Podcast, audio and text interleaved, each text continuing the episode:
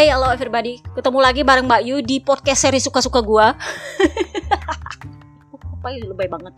Jadi, ceritanya seorang Giorno ABR Bangkotan itu ngebahas soal apa yang terjadi dengan BB Vale dan Aramco dan Tanal dan Dorna dan segala macem.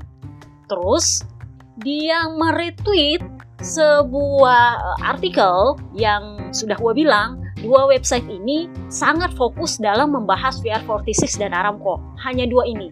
Kalau kemarin mereka mencoba membawa isu itu dan dicuekin karena Jorno-Jorno ini lagi sibuk sama Jack Dixon, nah sekarang kan udah nggak sibuk tuh. Baru nih mereka ikut menggaung-gaungkan. Kenapa? Karena kan sama UK. So, yang lumayan gue menarik adalah artikel ini kembali mengulik soal VR46. Mereka bilang bahwa VR46 besar kemungkinan kena tipu. Dalam artikel itu, mereka menuduh BB Vale duluan mengumumkan soal Aramco. Ada beberapa fakta yang menurut gue layak untuk gue bantah. Mereka menuduh bahwa BB Vale yang mengumumkan soal Aramco, itu yang pertama. Kemudian yang kedua, mereka bilang BB Vale itu gampang banget ditipu sama seseorang yang bernama Bernardini. Karena memang nama Bernardini ini disebut oleh Albi Tebaldi sebagai uh, petinggi VR46 pada saat mereka menanggapi pengumuman dari Tanal. Tetapi Albi tidak pernah membahas soal Aramco. Juga bahwa VR46 mengumumkan kerjasama mereka dengan Aramco. Oh, sorry to say, pada saat mereka mengumumkan dengan Ducati dan Dorna, tidak ada sekalipun mereka menyebutkan Aramco. Kalau MotoGP.com itu menerbitkan Aramco VR46 itu artikelnya, tetapi secara personal entah itu Carmelo Espeleta, entah itu Uchiyo mewakili VR46, entah itu Gigi Dalinya mewakili Ducati, tidak ada sekalipun mereka menyebutkan nama Aramco. Yang menyebutkan nama Aramco itu adalah Pangeran Abdul Aziz bin Abdullah bin Saud bin Abdul Aziz Al Saud. Oke. Okay? Nah, media UK ini juga bilang bukti bahwa BB Vale ini kemungkinan ditipu oleh pangeran palsu itu karena yang punya website itu bertanya kepada juru bicaranya Aramco karena kan juru bicaranya Aramco di UK itu.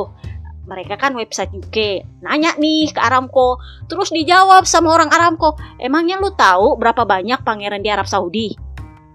Jadinya mereka menganggap bahwa pangeran ini bukan siapa-siapa Padahal menurut gue, lu kan punya Google. Coba lu cari tahu siapa ini pangeran. Gua karena gue merasa mereka terlalu menyudutkan Bebe Vale seolah-olah Bebe Vale menipu uh, publik dengan mengumumkan kerjasama dengan Aramco padahal Bebe Vale nggak pernah mengumumkan dan bahwa Bebe Vale bego amat sampai mau ditipu oleh pangeran palsu yang nggak tahu siapa itu juga gue bingung kenapa mereka nggak cari tahu. Dan bahwa pangeran ini adalah palsu yang bersurat ke Dorna. Kalian kalau lihat YouTube pasti lihat pernyataan yang ditandatangan oleh pangeran. Bahwa pangeran palsu ini sampai nekat dan berani amat membubuhkan tanda tangannya di situ dengan kop kerajaan Arab Saudi dengan sisi tembusan ke para media itu disuratkan ke Dorna mereka bilang itu pangeran palsu. So, jadi gue agak-agak ini sebenarnya ada apa sih? Sebenarnya ini Aramco ada apa? Nah, kalau kalian lihat motornya Luka Marini saat ini, itu kan udah gue bilang kemarin itu cuman dibayar sekitar 2 atau 3 juta untuk nambahin biaya motornya Luka Marini karena mereka cuman mau bayar satu motor untuk saat ini di Avintia. Itu kalian lihat uh, logonya KSA New Cities, kemudian gue nggak tahu ini tiganya itu logo apa kemudian ada namanya Tanal di sampingnya with you dekat Moncong kemudian ada uh, Mike Teknologis gue nggak tahu ini bacanya gimana M I I C apa gimana. Nah satu dua tiga. Jadi ada tiga spot tempatnya grup Arab ini bersponsor di livernya Luka Marini. Kalau gue lihat dari sponsor ini yang sekitar 1, 2, 3, 4, 5, 6 spot 6 logo itu kelihatan bahwa yang mereka sponsorkan ini adalah Saudi Vision 2030. Nah, kemarin website ini membahas soal bahwa Tanal ini hanya perusahaan cangkang. Gue sedikit tergelitik, bener gak sih ini barang perusahaan cangkang? Kan gue udah bilang kemarin, Tanal ini adalah perusahaan milik kerajaan Arab Saudi. In fact, gue bongkar karena kan kemarin katanya Tanal ini nggak pernah terdaftar. Ya, memang mereka nggak terdaftar overview tanah global holdings yang dikenal oleh eh, Arab Saudi itu adalah perusahaan yang awalnya bernama gue nggak tahu bacanya pokoknya Tufaat lah. Itu didirikan sejak 40 tahun lalu. Nah karena awalnya ini adalah perusahaan perdagangan umum yang jual komoditi dan mereka memperluas bisnisnya diubahlah menjadi Tanal Global Holdings tetapi Tunnel Global Holdings ini siapa? Kenapa sampai berani sekali memakai namanya Pangeran? Jadi gue cari, oh ada websitenya ternyata. Meskipun menurut gue amat sangat sederhana, tapi ya untuk sebuah perusahaan pribadi yang private yang nggak punya akses publik sama sekali, menurut gue syukur-syukur mereka punya website. Coba kalian kalau punya perusahaan pribadi, yang kalian yang punya duitnya, untuk apa kalian menjelaskan diri begitu panjang? Kenapa? Karena kalian nggak akan menarik investor. Beda dengan perusahaan umum yang punya tanggung jawab untuk merilis ke publik apa yang terjadi di perusahaannya. Karena itu perusahaan publik. Juga kalau misalnya perusahaan pribadi ini membutuhkan investor, mereka akan membuat website ini semenarik mungkin. Tetapi dalam hal ini, Tanah Global Holdings itu adalah perusahaan investasi yang mereka punya banyak bidang tetapi dimiliki seluruhnya oleh keluarga kerajaan. Ingat ya, istana yang punya itu dibilang keluarga kerajaan. Nah, Tanal ini sendiri setelah berkembang dari perusahaan perdagangan umum itu mulai merambah ke elektronik, ke pembangunan kota.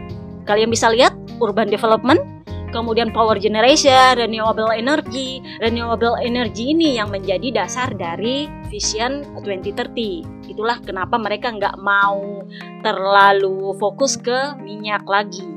Karena mereka mau membuat sebuah, apa ya kalau gue bilang, sebuah visi tentang Saudi Arabia yang baru. Nah kita lanjut, mereka juga ini berinvestasi dalam hal kesehatan, real estate, entertainment, entertainment. Nah, entertainment dan hospitality bisa new tech, aviation, and energy project around the world. Jadi, ada kata entertainment di situ. Itulah kenapa ada Tanal Entertainment. Jadi menurut gua ini adalah anak perusahaannya Tanal Global Holdings. Apakah ini perusahaan asli? Gue lihat ujung-ujungnya oh mereka punya cabang di Hong Kong. Jadi gue bongkar lah, bener nggak mereka punya cabang di Hong Kong? Iya, ternyata mereka punya cabang di Hong Kong dan itu real terdaftar di Hong Kong sebagai perusahaan investasi dengan ya you know lah itu uh, pakai bahasa Mandarin gitu. Pokoknya bahwa Tanah Global Holdings cabang Hong Kong ini sudah berdiri sejak 2015 dan private company limited by shares. Jadi saham mereka ini 100% punya pribadi dan itu adalah punya keluarga kerajaan. Tanah ini sendiri, siapa yang punya? Itu adalah Pangeran Abdul Aziz bin Abdullah bin Saud bin Abdul Aziz Al Saud yang adalah cucu dari raja pertama kerajaan Arab Saudi. Jadi beliau ini adalah kalau bisa dibilang kalau bukan saudaranya Raja Salman ya sepupunya Raja Salman istilahnya kalau dalam silsilah beliau setara sama Raja Salman dalam silsilah ya, bukan dalam kedudukan, dalam silsilah. Kalau bukan saudara ya sepupu gitu. Nah, lalu siapa yang menjadi wakil beliau di Tanal? Ini dia nih, ganteng kan ganteng? Pangeran Saud bin Abdul Aziz bin Abdullah bin Saud bin Abdul Aziz Al Saud. Dia ini wakilnya Pangeran Abdul Aziz di Tanal. Masih muda, 30-an. Nah, beliau ini setara umurnya sama putra mahkota Muhammad bin Salman. Sama-sama umurnya 30-an dan mereka tuh sama-sama gokilnya lah. Kalau kalian pernah baca berita bahwa rombongan Raja Salman ke Indonesia terus para pangeran ini pelesiran di Bali nah mereka mereka ini ada di sana jadi orangnya mereka ini orangnya fun semua dan menurut gua ide MotoGP itu keluar dari beliau-beliau ini karena memang proyek Saudi Vision 2030 itu dicetuskan oleh Pangeran Mohammed bin Salman yang umurnya 30-an. Itulah kenapa mereka gencar banget untuk berinvestasi di bidang yang sesuai dengan visi mereka, Saudi Vision 2030. Oke, gue bahas soal itu. Apa sih Saudi Vision 2030 ini? Saudi Vision 2030 ini dicetuskan tanggal 25 April 2016, 5 tahun lalu. Dan tujuannya adalah menjadikan Saudi Arabia itu sebagai uh, pusat dari dunia Arab dan dunia Islam yang menjadi penghubung antara tiga benua. Dan yang bertanggung jawab di situ atas proyek ini adalah Pangeran Muhammad bin Salman langsung, sang pangeran mahkota jadi dijelaskan menurut Wikipedia, Saudi Vision 2030 ini bertujuannya adalah untuk mengurangi ketergantungan Arab Saudi dari minyak. Jadi kan selama ini penghasilan mereka itu sekitar 40% asalnya dari minyak tuh. Nah, mereka mau mengurangi ketergantungan itu. Kenapa? Karena kembali lagi bahwa mereka mulai mengenal yang namanya eco-friendly, mereka mulai mengenal yang namanya entertainment, mereka mulai mengenal yang namanya dunia balap motor, mereka juga mulai mengenal kesetaraan hak antara pria dan wanita. Kenapa? Karena Arab ini sekarang dipimpin oleh putra mahkota. Muhammad bin Salman yang punya visi yang menurut gue memang sedikit kurang bisa diterima oleh orang-orang konservatif di sana ya you know lah ya. Memang agak kontroversi beliau ini. Nah tapi itu dicetuskan oleh Pangeran Muhammad. Jadi mereka mau mengurangi ketergantungan penghasilan mereka dari minyak ke sektor lain seperti kesehatan, pendidikan, infrastruktur. Itulah kenapa mereka mau bikin kota-kota baru, rekreasi seperti hiburan dan pariwisata. Jadi intinya adalah memperkenalkan Arab Saudi yang sedikit lebih sekuler. Kalau kalian ngintil gue di IG zaman-zaman Januari gue posting ini pertama kali soal kota balap itu gue udah bilang memperkenalkan Arab Saudi yang lebih sekuler tetapi di sisi lain, mereka juga menginvestasi lebih kepada militer. Jadi, memang ini adalah visi yang dimiliki oleh Pangeran Arab Saudi. Nah, di bulan Januari 2020 sebagai bagian dari Vision 2030 itu Arab Saudi berencana untuk membangun sebuah kota balapan bernama Kidia Kidia ini nanti akan punya beberapa sirkuit, entah itu rally, entah itu uh, drag race, segalanya termasuk F1 dan MotoGP. Jadi kita tandai ini adalah proyek Kidia. Nah kalau kalian lihat di YouTube, di sini adalah mereka lebih menekankan soal MotoGP yang ingin digelar di tahun 2023. Jadi benar kan, Tanal punya kerjasama dengan VR46 karena memang tujuannya adalah untuk proyek Kidia ini. Kidia ini sendiri adalah proyek dari Saudi Vision 2030. Saudi Vision 2030 ini adalah proyek besar dari putra mahkota Muhammad bin Salman. Jadi kalian bisa tahu benang merahnya ini kenapa sampai ke VR46. Intinya adalah dari putra mahkota Muhammad bin Salman turun ke Tanal yang dimiliki oleh keluarga kerajaan juga Pangeran Abdulaziz lalu ke VR46. Terus kenapa bisa nyenggol Aramco? Oke, kita lihat ini adalah proyek Kidia, teman-teman. Nah, gue cari tahu proyek Kidia ini sebenarnya apa sih? Proyek Kidia ini ternyata adalah sebuah mega proyek entertainment, jadi mega proyek hiburan yang ya you know untuk uh, balapan itu yang sudah mulai direncanakan sejak 7 April 2017 dan sedang dibangun dan Woli, Woli itu artinya sepenuhnya dimiliki oleh PIF. PIF ini adalah Public Investment Fund dari Arab Saudi. PIF ini juga sepenuhnya memiliki proyek lain, nama kota baru. Selain proyek Kidia tadi, mereka juga ada proyek yang namanya NEOM. NEOM ini akan menjadi kawasan ekonomi khusus jadi memang Pangeran Muhammad bin Salman ini punya visi besar untuk Arab Saudi dan salah satunya adalah membangun kota-kota baru yang punya uh, spesialisasi tertentu. Ada proyek di Laut Merah itu memang khusus untuk turisme. Jadi sepanjang pantainya itu akan ada hotel semua. Kemudian untuk Kidiah itu khusus untuk balap.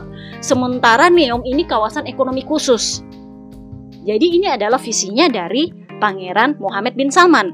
Dan di sini kalau kalian lihat video di YouTube itu seluruhnya dimiliki oleh Public Investment Fund. PIF ini apa sih? Public Investment Fund ini apa? Gue cari lagi. Jadi Public Investment Fund ini adalah sebuah konsorsium yang dimiliki oleh kerajaan Arab Saudi, keluarga istana untuk hal investasi. Nah, kalau kalian lihat tanda panah pertama, di situ dibilang bahwa Wall Street Journal tahun 2016 itu Wall Street Journal itu bilang nggak ada yang bisa diambil datanya dari PIF ini.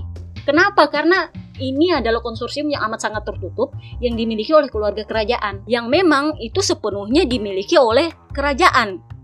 Jadi PIF adalah tangan investasi keluarga kerajaan. Jadi sejak 2014 itu kementerian memberikan hak kepada PIF untuk membiayai perusahaan-perusahaan baru di dalam maupun di luar kerajaan Arab Saudi entah itu publik atau private tanpa persetujuan kementerian. Jadi ngerti kan? Kalau kalian pernah nonton drakor-drakor Korea yang uh, kolosal yang kerajaan-kerajaan yang menteri-menteri itu kan di bawah-bawah tuh. Nah, kalau kerajaan di Korea kan kalau dia mau memutuskan sesuatu dia nanya dulu tuh sama kementerian. Kementerian nih biasanya berdebat dulu. Nah, kalau kondisinya ada PIF ini, mereka bisa memutuskan mau diapain duit mereka tanpa harus nanya sama kementerian. Jadi, proyek MotoGP itu ada hubungannya dengan Tanal, ada hubungannya dengan proyek Kidiah, dan keduanya ini sama satu usungannya Saudi Vision 2030. Nah, proyek Kidiah ini dimiliki oleh PIF. Sementara Tanal itu adalah perusahaan yang 100% dimiliki oleh Pangeran Abdulaziz sebagai keluarga kerajaan private sector dan itu artinya dimiliki juga oleh PIF. PIF ini adalah keluarga kerajaan yang lu nggak bisa ganggu gugat duitnya. Lu nggak bisa audit, lu nggak bisa nanya, lu nggak bisa diapa-apain pokoknya. Jadi itu ngerti ya ini ke mana. Dan kembali lagi ini apa hubungannya sama Aramco? Lihat YouTube kalian baik-baik. Sebelah kanan, sebelah kanan. Key people dari Public Investment Fund yang pertama adalah Pangeran Mahkota Muhammad bin Salman karena beliau yang memimpin kerajaan Arab Saudi secara kalau bisa gue bilang pelaksananya lah ya. Nah ini yang beliau punya proyek ini, beliau yang mengapalai ini. Lalu lihat yang kedua, gubernurnya Yasil Al Rumayan. Siapa sih ini Yasil Al Rumayan? Kenapa? Apa hubungannya sama Aramco? Gue bolak-balik, Yasil Al Rumayan ini adalah jeng jeng Chairman of Board of Saudi Aramco. Istilahnya kepala komisarisnya Aramco. Jadi ini sebenarnya adalah tangan kanannya Pangeran Muhammad di Aramco. Jadi kalian ngerti kenapa sampai nyambung ke Aramco? Karena ini adalah komisarisnya Aramco. Tangan kanannya Pangeran Muhammad itu adalah komisarisnya Aramco. Nah, kita bahas lagi. Ini Aramco kenapa sampai ribut? Gue bolak balik lah itu Aramco. Jeng jeng jeng jeng. Mana tuh? Nah kalian lihat key people-nya. Yasir Al Rumayan. Itu adalah komisarisnya Aramco Saudi. Jadi kalian ngerti sekarang udah punya benang merahnya teman-teman? Aramco sendiri ini dimiliki oleh negara Arab Saudi sebesar 98,5 persen gue kemarin pikir mungkin dia 45, 50 sekian, ternyata 98,5 persen.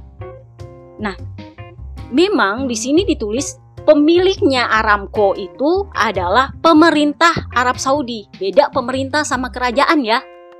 Itu beda. Tapi kenapa bisa pangeran nyomot-nyomot aja itu Aramco?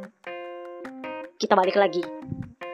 Bulan Maret 2016 diumumkan bahwa pemilikan Saudi Aramco dengan nama pemerintah Arab Saudi itu akan ditransfer ke PIF sebanyak 5% pada tahun 2017. Jadi, dari 98,5% persen kepemilikan pemerintah Arab Saudi, itu 5 persennya adalah punyanya PIF. Jadi secara tidak langsung keluarga kerajaan memiliki dana di sana. Di sini ditulis kurang lebih sekitar 2 triliun dolar. Jadi udah ngerti lah ya kenapa Tanal tiba-tiba mengumumkan nama Aramco di situ. Jadi masuknya adalah PIF itu memiliki 5% saham dari pemerintah Arab Saudi di Aramco. Nah, PIF ini dipimpin oleh Pangeran Mohammed bin Salman yang memiliki Saudi Vision 2030. Oke? Nah, Saudi Vision 2030 ini punya begitu banyak proyek, mulai dari energi terbarukan sampai kesehatan, sampai pendidikan dan membangun kota-kota baru dengan spesialisasi khusus. Salah satunya adalah Kidia yang rencananya akan menggelar MotoGP. Nah, karena PIF ini adalah perusahaan kerajaan, maka penyaluran uangnya harus melewati perusahaan kerajaan juga. Dan itu adalah Tanal yang dimiliki seluruhnya oleh Pangeran Abdul Aziz yang adalah senior di keluarga kerajaan. Dan Tanal sendiri itu mengumumkan sponsorship mereka dengan menekankan pada Vision 2030. Itu artinya mereka sudah berumbuk untuk mengeluarkan dananya PIF untuk proyek Vision 2030 melalui Tanal. Jadi kalian ingat podcast gue yang dulu-dulu gue bilang ini duit sebenarnya mau duitnya pangeran langsung. Iya, jadi emang ini duitnya kerajaan nggak lewat Aramco dulu. Nah, tetapi kenapa ada Aramco? Ya karena Aramco juga dipunyai oleh pangeran. Dia punya 5% di situ. Keluarga kerajaan punya 5% di situ. Dan komisarisnya sendiri adalah gubernurnya PIF yang sekaligus adalah menteri keuangan. Jadi ngerti kan ini dari mana ke mana ke mana gitu. Jadi PIF ini sendiri sebenarnya nggak perlu persetujuan kementerian sih buat ngeluarin duit. Tetapi karena Aramco berisik banget, akhirnya mereka harus berembuk. Terus kenapa Aramco berisik? Padahal itu kan punyanya Arab Saudi.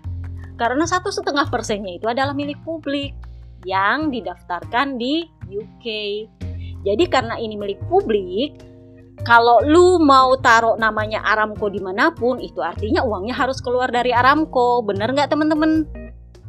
Jadi harus lewat Aramco dulu. Nah Aramco nggak mau tuh kelewatan. Jadi mereka mempertanyakan kok bisa nyatut nama Aramco? Ya bukan VR46 yang nyatut, yang nyatut kan Tanal. Kenapa? Karena Tanal yang punya siapa? Pangeran juga. Itu kerajaan juga yang punya. Jadi, jadi intinya itu adalah perusahaan kerajaan juga dan sebenarnya PIF nggak perlu persetujuan Aramco sih sebenarnya karena memang kementerian sudah memberikan hak kepada PIF untuk berinvestasi ke mana pun dan di mana pun apa pun sektornya tanpa meminta persetujuan kementerian. Nah, tapi yang berisik ini adalah Aramco secara publik. Nah, ini yang sebenarnya bikin pusing di kerajaan itu masalah legalitasnya. Kalau masalah duit keluarnya sih bisa, tetapi kalau itu keluar terus pakai nama Aramco kan nanti dipertanyakan lagi audit dan PIF itu paling nggak mau diaudit karena ini adalah uangnya kerajaan. Suka-suka mereka lah karena kan itu uangnya mereka namanya sultan. Jadi menurut gua kalau agak ribet-ribet-ribet begini mungkin sebaiknya tanah nggak pakai nama Aramco. Apakah itu nanti jadi Tanal VR46 memang agak-agak rancu karena Tanal sendiri adalah perusahaan milik Pangeran Abdul Aziz. Tapi kalau memang Pangeran Muhammad bin Salman setuju ya pakai Tanal VR46 as okay tapi menurut gua tujuan dari istana Arab Saudi untuk berinvestasi langsung ke VR46 lewat Tanal itu lebih kepada ingin memperkenalkan ini loh Saudi Vision 2030. Jadi kalau kalian lihat di motornya Luka Marini itu ada satu enam logo, itu semuanya menggambarkan visinya Pangeran Muhammad bin Salman untuk Arab Saudi. Jadi menurut gua kalau pada akhirnya ini bakal bikin ribut sama Aramco, ya mending cabut aja namanya Aramco, bener nggak sih? Ganti aja itu menjadi South Division VR46 atau ganti jadi Tanal VR46. Itu haknya PIF loh. Karena itu duitnya PIF sebenarnya. Duitnya para pangeran. Jadi sebenarnya ini masalah Aramco yang menggembar-gembor ini menurut gue adalah semacam aksi untuk menanamkan bahwa pangeran ini mau nipu Bebe Vale dan bahwa Bebe Vale ini bego banget. Bebe Vale emang gak bego banget. Kan kemarin Bebe Vale bilang, iya saya sudah nelpon bicara langsung sama pangeran. Ya memang dia bicara langsung sama pangeran. That's the, that's the real gitu. Jadi kalau website ini mau bilang pangeran yang nelpon Bebe Vale itu adalah pangeran palsu, gue agak-agak, ha? Maksudnya berani amat mencatut nama pangeran. Dan memang menurut gue sih ada ada sedikit menurut gue ingin mengganggu citra para pangeran ini secara politik menurut gue ya gue nggak akan bahas lebih jauh politiknya Arab Saudi tapi menurut gue website ini sepertinya ingin mengatakan bahwa para pangeran ini sebenarnya menipu bahwa Tanal ini nggak ada, bahwa Bernardini ini sebenarnya hanya desainer miskin yang ke mana-mana naik van, bla bla bla bla bla. Pokoknya gitu-gitulah ya. Tetapi mereka nggak memunculkan bukti bahwa ini pangeran benar-benar ada nggak? Pangeran ini siapa? Posisinya apa? Duitnya dari mana? Dan apakah dia punya hak? Jadi semoga gue sih nggak mau membahas ini sama jurnal luar sana tapi paling nggak kita kita yang orang Indonesia ini tahu sebenarnya apa yang kira-kira terjadi di antara VR46 Tanal Aramco DKK jadi udah clear ya Carmelo Espeleta nggak pernah menyebutkan satu kali pun soal Aramco VR46 nggak pernah menyebut satu kali pun soal Aramco Ducati apalagi yang menyebutkan itu adalah Pangeran Abdulaziz. Apa haknya Pangeran Abdulaziz ngomongin Aramco? Itu lebih kepada beliau adalah bagian dari PIF yang diketuai oleh Pangeran Mahkota Muhammad bin Salman.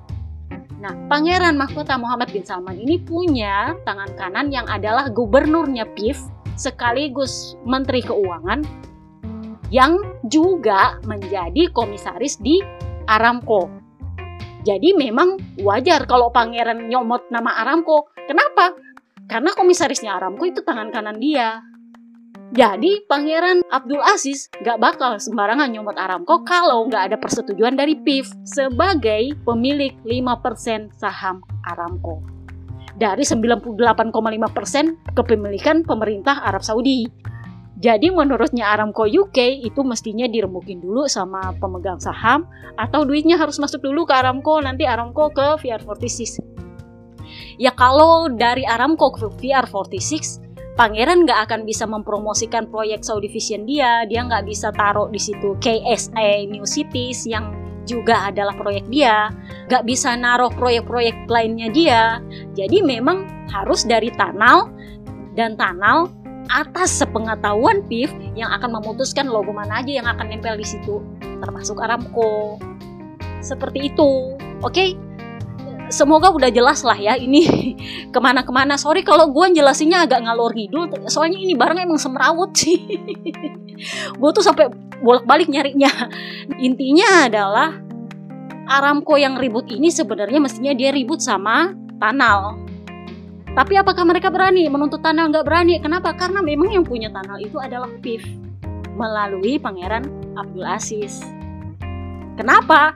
Karena yang nggak mungkin Pangeran Mahkota langsung memimpin perusahaan itu bakal konflik of interest teman-teman kayak Pangeran Mahkota nggak ada kerjaan aja.